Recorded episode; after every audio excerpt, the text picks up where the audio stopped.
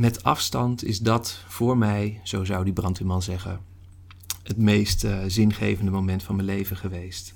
Nou, prachtig. En Stijn gaat vervolgens verder en dan zegt hij, maar realiseer je je dat als je ehm, in een rijk land woont, waar wij in wonen, en je verdient modaal of iets meer dan dat wat wij verdienen, dat je dan door te doneren aan effectieve, bewezen effectieve goede doelen, dat je elk jaar die brandweerman kan zijn.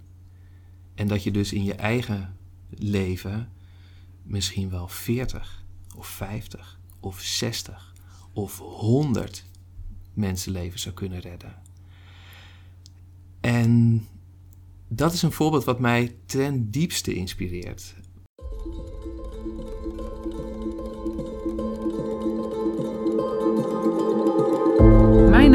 Rosanne van der Lucht en ik probeer elk jaar een leven te redden.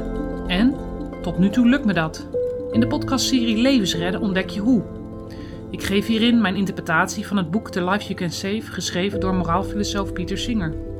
In elke aflevering bespreek ik een thema en ik doe dat samen met Bram Schaper. En dat ben ik. Ik ben directeur van Stichting Doneer Effectief en ook ik probeer levens te redden en te verbeteren.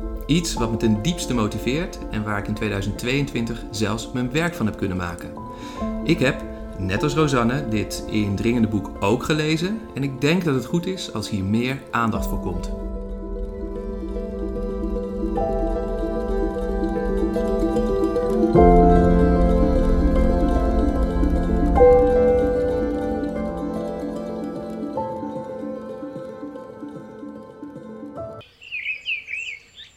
Op weg naar je werk passeer je een ondiepe vijver. Op warme dagen spelen er soms kinderen in de vijver, die slechts een halve meter diep is. Het is vandaag koud en het is nog vroeg, dus je bent verbaasd als je een kind in het water ziet spartelen. Als je dichterbij komt, dan zie je dat het een erg jong kind is, een peuter, die met zijn armen aan het zwaaien is en niet overeind kan komen in de vijver. Je kijkt om je heen of je ouders of verzorgers ziet, maar er is niemand. Kind kan haar hoofd niet meer dan een paar seconden boven water houden. Als je niet te water gaat en haar eruit haalt, zal ze waarschijnlijk verdrinken. Te water gaan is makkelijk en veilig. Maar het zal je nieuwe schoenen ruïneren. Je pak zal modderig en nat worden. Daarnaast zul je te laat zijn voor je werk. Wat zou je moeten doen? Ja, daar ik natuurlijk niet over na te denken. Ik zou gewoon uh, direct die uh, vijver in, uh, instappen en dat kind redden. Ja, lijkt me echt een no-brainer. Maar Pieter Singer gaat verder met het gedachte-experiment. Hij geeft aan dat door te doneren aan effectieve goede doelen je levens kunt redden. Als je 4000 euro uitgeeft aan een effectief goed doel, kun je een leven redden. Geld uitgeven aan luxe dingen die je niet echt nodig hebt, zoals dure schoenen en een duur pak, is geld dat je niet doneert aan effectieve goede doelen. Hiermee kies je eigenlijk voor je dure schoenen en je dure pak en niet voor het redden van een leven. De meeste van ons twijfelen er niet aan om een verdrinkend kind te redden. Elke dag sterven er duizenden kinderen aan simpel te voorkomen en te genezen ziektes als diarree en malaria, terwijl we geld uitgeven aan dingen die we niet zouden missen als ze er niet zouden zijn. Is dat fout? Hoe ver gaan onze verplichtingen ten opzichte van de allerarmsten? Het gedachte-experiment is confronterend en roept vragen op als: hoe weet ik zeker dat effectieve goede doelen levens redden? Hoe kan het dat je voor 4000 euro een leven kunt redden? Moet ik me schuldig voelen als ik besluit een duur pak en schoenen te kopen in plaats van het geld te besteden aan een effectief goed doel wat voor dat bedrag een leven redt?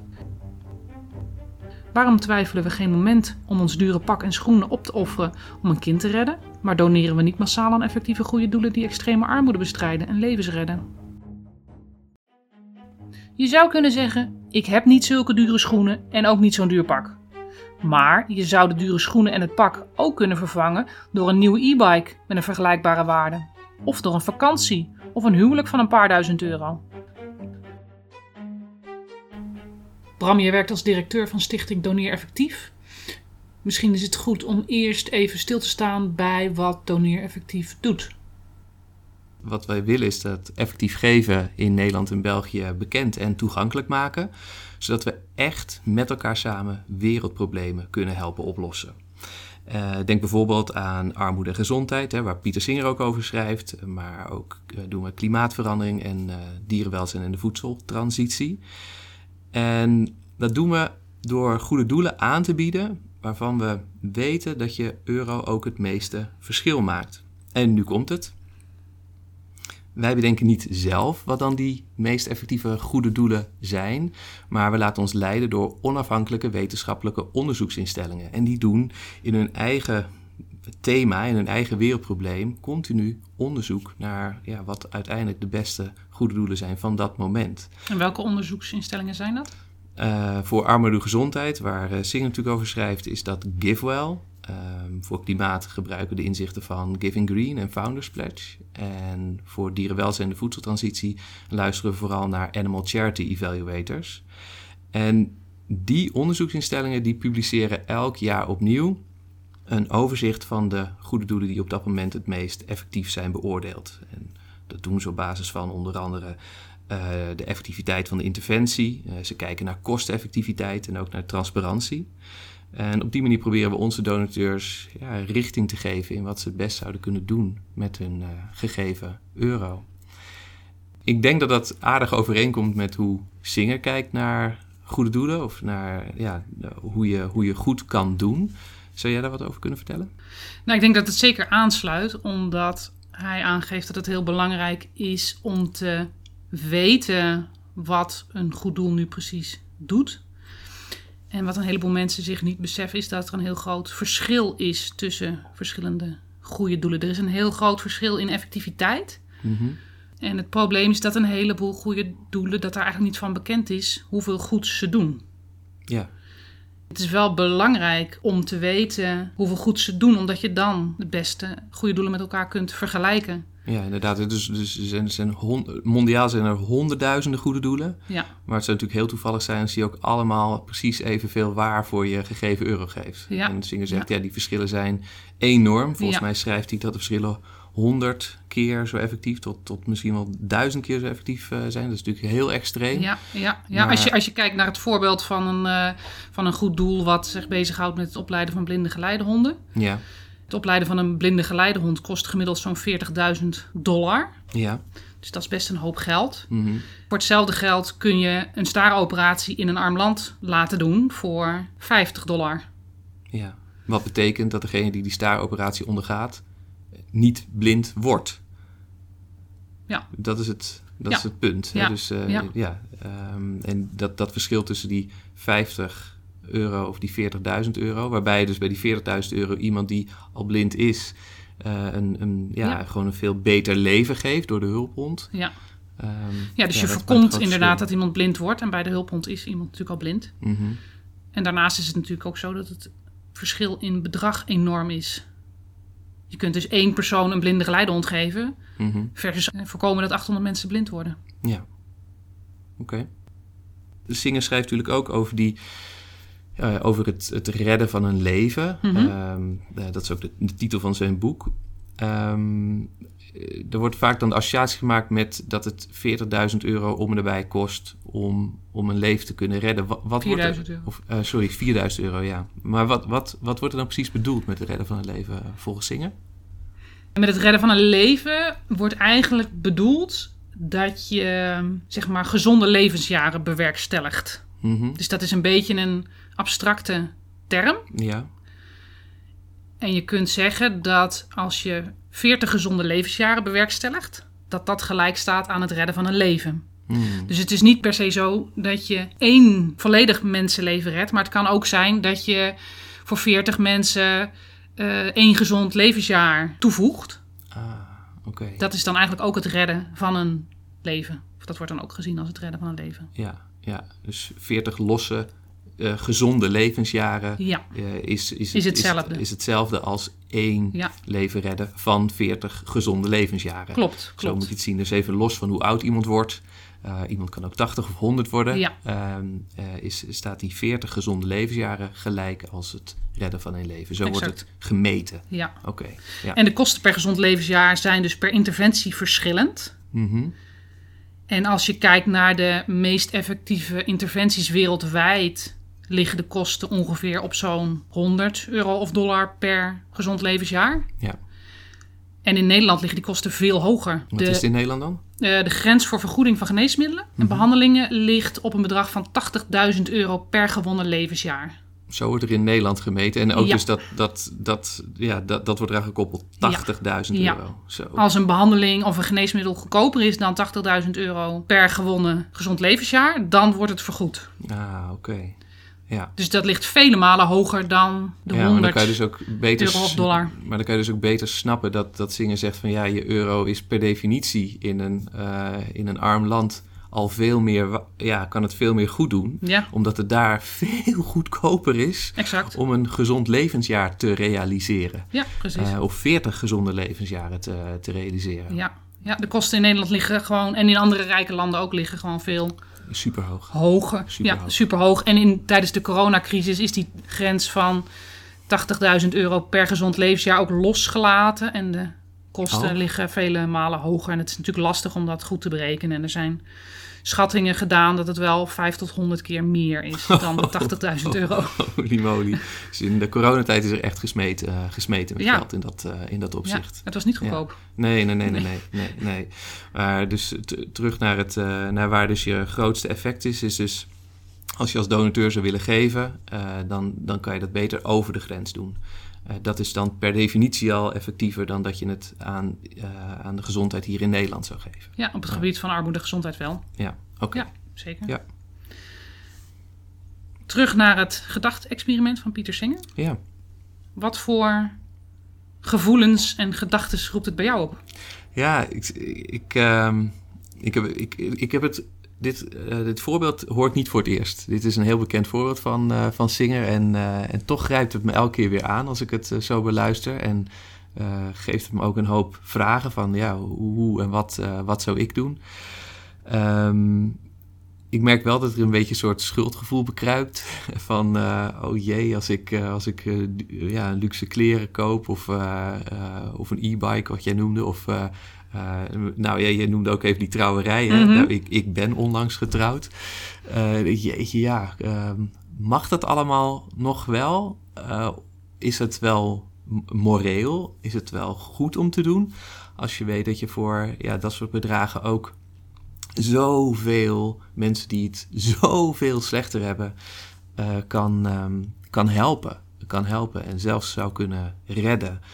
Dat, ehm, ja, dat vind ik wel soms ingewikkeld. Om, om dan te denken van waar ligt dan de grens dat ik nog iets voor mezelf of voor mijn nou, liefhebbende naaste koop ten opzichte van dat ik het geld weg zou moeten geven. En inspireert het voorbeeldje of niet? Ehm, nee, het, eh, het inspireert me niet. Het eh, zet me eerder aan het denken. Het zorgt dat ik in een, eh, soort, in een soort nederige reflectie stap. Ehm, aan de andere kant is er een ander voorbeeld van een andere moraalfilosoof die me, wel, ja, die me wel inspireert eh, in dit opzicht. Eh, dat is eh, Stijn Bruurs, een moraalfilosoof in België. Ehm, heeft overigens het mooie boek Beter worden in goed doen geschreven. Ehm, Mooi boek voor een andere podcastserie. ja, dus daar moeten we nog een andere keer op terugkomen. Maar hij geeft als voorbeeld... eh, stel je voor dat je een brandweerman op zijn sterfbed zou vragen... wat het meest zingevende, memorabele moment van zijn leven is geweest. Nou, die brandweerman die gaat, die, die gaat er meteen antwoord op kunnen geven. Die zegt, joh, ik weet nog heel goed. Ik was 41 jaar. Het was op een maandagavond. We werden opgepiept. En we zijn met, eh, met, de, met, de, met de mannen zijn we eh, de brandweerauto ingestapt naar het brandende huis. Ik ben naar de tweede verdieping gegaan. En daar, door de vuur en het rook, vond ik een kind in een ledikant. Ik heb dat kind opgepakt, tegen me aangedrukt, mee naar buiten genomen. En daar kwam ik erachter dat als ik vijf, zes, zeven minuten later was geweest... dat het kind het niet had gered. Met afstand is dat voor mij, zo zou die brandweerman zeggen, het meest eh, zingevende moment van mijn leven geweest. Nou, prachtig. En Stijn gaat vervolgens verder en dan zegt hij, maar realiseer je je dat als je ehm, in een rijk land woont, waar wij in wonen, en je verdient modaal of iets meer dan dat wat wij verdienen, dat je dan door te doneren aan effectieve, bewezen effectieve goede doelen, dat je elk jaar die brandweerman kan zijn. En dat je dus in je eigen leven misschien wel 40 of 50 of 60 of 100 mensenlevens zou kunnen redden. En dat is een voorbeeld wat mij ten diepste inspireert. Wat eh, feitelijk uiteindelijk op hetzelfde neerkomt. Het gaat namelijk over hoeveel geef je aan jezelf uit en hoeveel geef je aan die ander uit. Mhm. Ehm, en daar komen we natuurlijk nog later nog wel verder over te spreken. Maar eh, dat is wel een voorbeeld wat mij, wat mij echt, echt eh, aanspreekt. Dus je hebt aan de ene kant, zingen wat meer dat, het, wat toch wat meer zit op dat schuldgevoel. Mhm. Eh, wat denk ik ook heel belangrijk is en eh, ook veel mensen kan inspireren. Mij persoonlijk inspireert meer de ja, what can I do van, vanuit eh Stijn Bruurs. Dat zet jou meer aan tot handelen. Ja, Dan, ja, een schuld, dan handelen vanuit schuldgevoel. ja, ja, dat denk ik wel. Ja, maar handelen doe ik. Ja, Ja. Of doen we. Maar, maar zijn er uitgaves waarover je denkt van... Hmm, moet ik me hier schuldig over voelen? Want ik weet dat je een tijdje geleden getrouwd bent. Ja, nou ja, dat is zo'n voorbeeld. Je kan er gelijk vol in gaan en jouw kennende doe je dat ook meteen maar. Maar dat klopt, kijk, dat is zoiets... Ja, eh, we willen trouwen, Karine en ik, en we gaan trouwen. En we willen een mooi feest geven en natuurlijk een prachtige dag. En eh, daar hebben we ook geld voor opzij gezet, zodat we dat ja, ook echt een, waanzinnige dag van kunnen maken. Ehm, maar ja, ik kan niet ontkennen dat er ook wel door mijn hoofd af en toe gaat van... jeetje, wat... eh ja, je had het over een paar duizend euro, maar dit, ja, dit is ook wel meer dan dat geworden. Het zijn vijf mensenlevens. Ja, ja, misschien wel. Ja, eh, dat, dat, dat, je, dat je op die manier daar zo... Ja, daar kan je dus zo naar kijken. En tegelijkertijd denk ik ook... ehm, je hoeft je... je ja, ik zeg ik dit vooral tegen mezelf, denk ik. Hè? Je hoeft jezelf ook niet ehm, extreme te, te ontzien. Je hoeft jezelf niet op de armoedegrens te zetten, vind ik, om, om, goed, eh, om goed te kunnen doen. Ehm, maar wat ik wel vind, is dat, ehm, ja, dat, dat je eh, als je één of twee keer per jaar eh, op vakantie zou kunnen, dat je dan ook eh, prima 5 of 10 procent aan effectieve goede doelen zou kunnen geven. En dat, ja, dat, daar hou ik me aan, daar hou ik me aan, aan vast. Ja, en toch denk ik wel dat... Ondanks dat het niet inspirerend is om vanuit een schuldgevoel te handelen... Mhm. is het makkelijker om het zeg maar even kort door de bocht gezegd voor jezelf goed te praten als het om geld gaat dan als je daadwerkelijk voor je neus kinderen ziet verdrinken. Ja, dat is Dus stel dat jij op ja. weg naar je bruiloft Ja. eh, was en je ziet daar vijf kinderen verdrinken en die kun je alleen redden door niet naar je bruiloft te gaan. Ja, dat is een heel. Ja, ik denk dat ik ze zou redden, inderdaad. Ja, Ja, dit is toch. Eigenlijk is het toch heel raar, eh, Rosanne, wat hier dus aan, hier aan, bij ons aan tafel gebeurt. Dat. Dat nou, we zijn gewoon niet een- rationele... we zijn niet gewoon niet rationele rationeel. Nee, we We zijn, geen rationele zijn wezens. niet rationeel. Nee. Nee, nee, nee. Dus Nee. Dat, want inderdaad, als ik, het, als ik het letterlijk zou zien gebeuren op de dag van mijn bruiloft, dan, ja, dan zou ik daar, Ja. dan zou je dat gewoon doen. Dus dat is, eh, dat is opmerkelijk. Hoe- hoe- Maar wel herkenbaar en menselijk hoor. Dat geldt voor mij net zo. Ik Nou ben eh, ja, gewoon een mens. hoe, hoe zit dat dan voor jou? Wat voor afwegingen maak jij dan bijvoorbeeld? Hè, als je het hebt bijvoorbeeld over je vakanties, Ja, eh, ja, waar je houdt van reizen. Ja, ik hou zeker van reizen. En we zijn in het najaar op vakantie geweest naar Bulgarije. Mhm. En we zijn daar bewust heen gegaan omdat dat een goedkoop land is. Ja, Waardoor je dus minder geld uitgeeft dan als je naar een rijk land vakantie zou gaan. ja, Geld dat je overhoudt wat je dan aan effectieve goede doelen kan doneren. Ah, ja, ja, zo. Dus je ontziet jezelf niet dat je eh, niet op vakantie zou kunnen of mogen gaan. Ja, Maar je maakt wel een soort bewuste keuze van... ja, het hoeft, het hoeft niet naar eh, de Côte d'Azur eh, of naar Nieuw-Zeeland voor vier, ja. vier maanden. Nee, Ja. dat klopt. En wat ik ook wel verrassend vond, maar dat staat los van het thema armoede en gezondheid. Dat is meer, zeg maar, thema klimaat. Mhm. Wat ik zelf wel verrassend vond, is dat als je, zeg maar, dat de impact van je geld enorm groot is. Groter dan we denken en groter dan de impact van je directe handelen, bijvoorbeeld het vliegen. Ja, Als je kijkt naar duurzaamheid van een vliegvakantie, nou, zou je zeggen dat is niet duurzaam. Mhm. Maar eigenlijk is het veel belangrijker om te kijken hoeveel geld geef ik uit tijdens mijn vakantie. Want stel je gaat drie weken naar de Veluwe vakantie, naar een glamping en je CO2-uitstoot uitstoot is nul. ja. Dan zou je denken dat is een hele duurzame vakantie. ja, dat klinkt goed. Maar stel je gaat drie weken naar Bulgarije en het is een goedkoop land, dus je geeft maar 2000 euro uit. En je Mhm. bespaart 1000 euro en doneert die 1000 euro aan een effectief klimaatdoel. Ja, ja. dan stoot je 2 ton CO2 uit, Mhm. maar je compenseert 1000 ton CO2. Ja, ja, ja. Dus, Dus dan compenseer je veel meer dan dat je uitstoot, ondanks dat je gaat vliegen.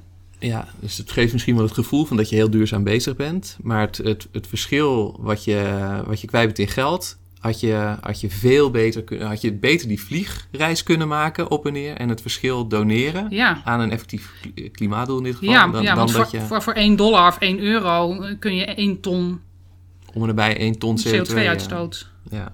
Compenseren. Ja, dus het is wel een interessant fenomeen. Eh, ik, ik hoorde gisteren eh, ook een podcast van, eh, van Maarten Boudry, een, ehm, een eh, Belgische wetenschapper. En die vertelde ook dat, die, dat de, wat je in je dagelijks gedrag eh, eh, jezelf allemaal zou moeten ontzien, dat dat er niet in verhouding staat met wat je uiteindelijk aan donaties zou kunnen bereiken. Ja, Dus eh, prachtig als Dat je... gaf hij als ook je- aan. Ja, ja, Ja. dus prachtig als je een minuut korter doucht hè, of, en dat je je afval scheidt. En ik wil ook zeker niet nu, nu een pleidooi houden voor dat je vooral het oud papier bij het klein chemisch moet doen en het glas in de, in de, in de restafval.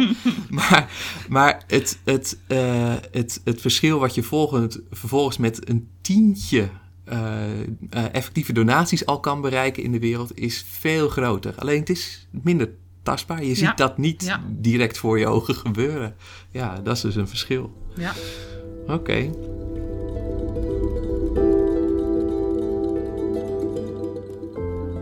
In deze aflevering stonden we stil bij het gedachte-experiment van het verdrinkende kind.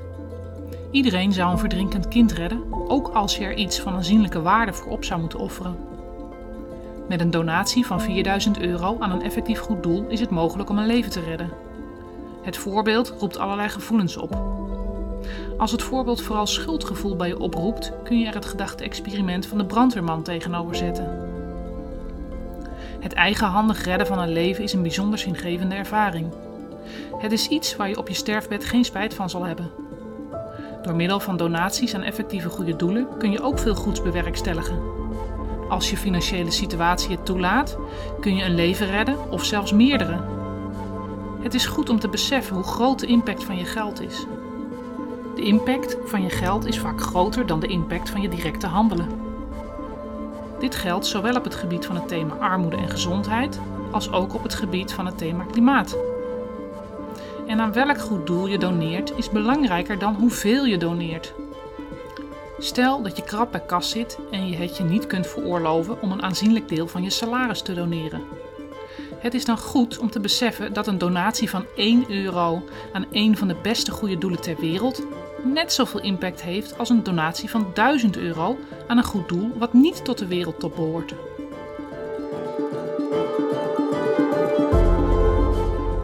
Wat is het salaris van de directeur? Dit is een vraag die veel mensen zich stellen als ze zich oriënteren op goede doelen. In de volgende aflevering vraag ik dit aan Bram. Hij vertelt openlijk wat zijn huidige salaris is als directeur van Doneren Effectief. Het is interessant, maar is het ook relevant bij de keuze van een goed doel? Levensredden is gemaakt door mij, Rosanne van der Lucht. Deze podcastserie heb ik op eigen initiatief gemaakt en zonder financiële steun. Alle onderdelen, van script tot mixage, heb ik zelf gedaan. Heb je vragen of wil je iets laten weten? Mail dan naar podcastvanrosanne.gmail.com. Vond je het goed? Abonneer je en zeg het voort. Vertel het je vrienden.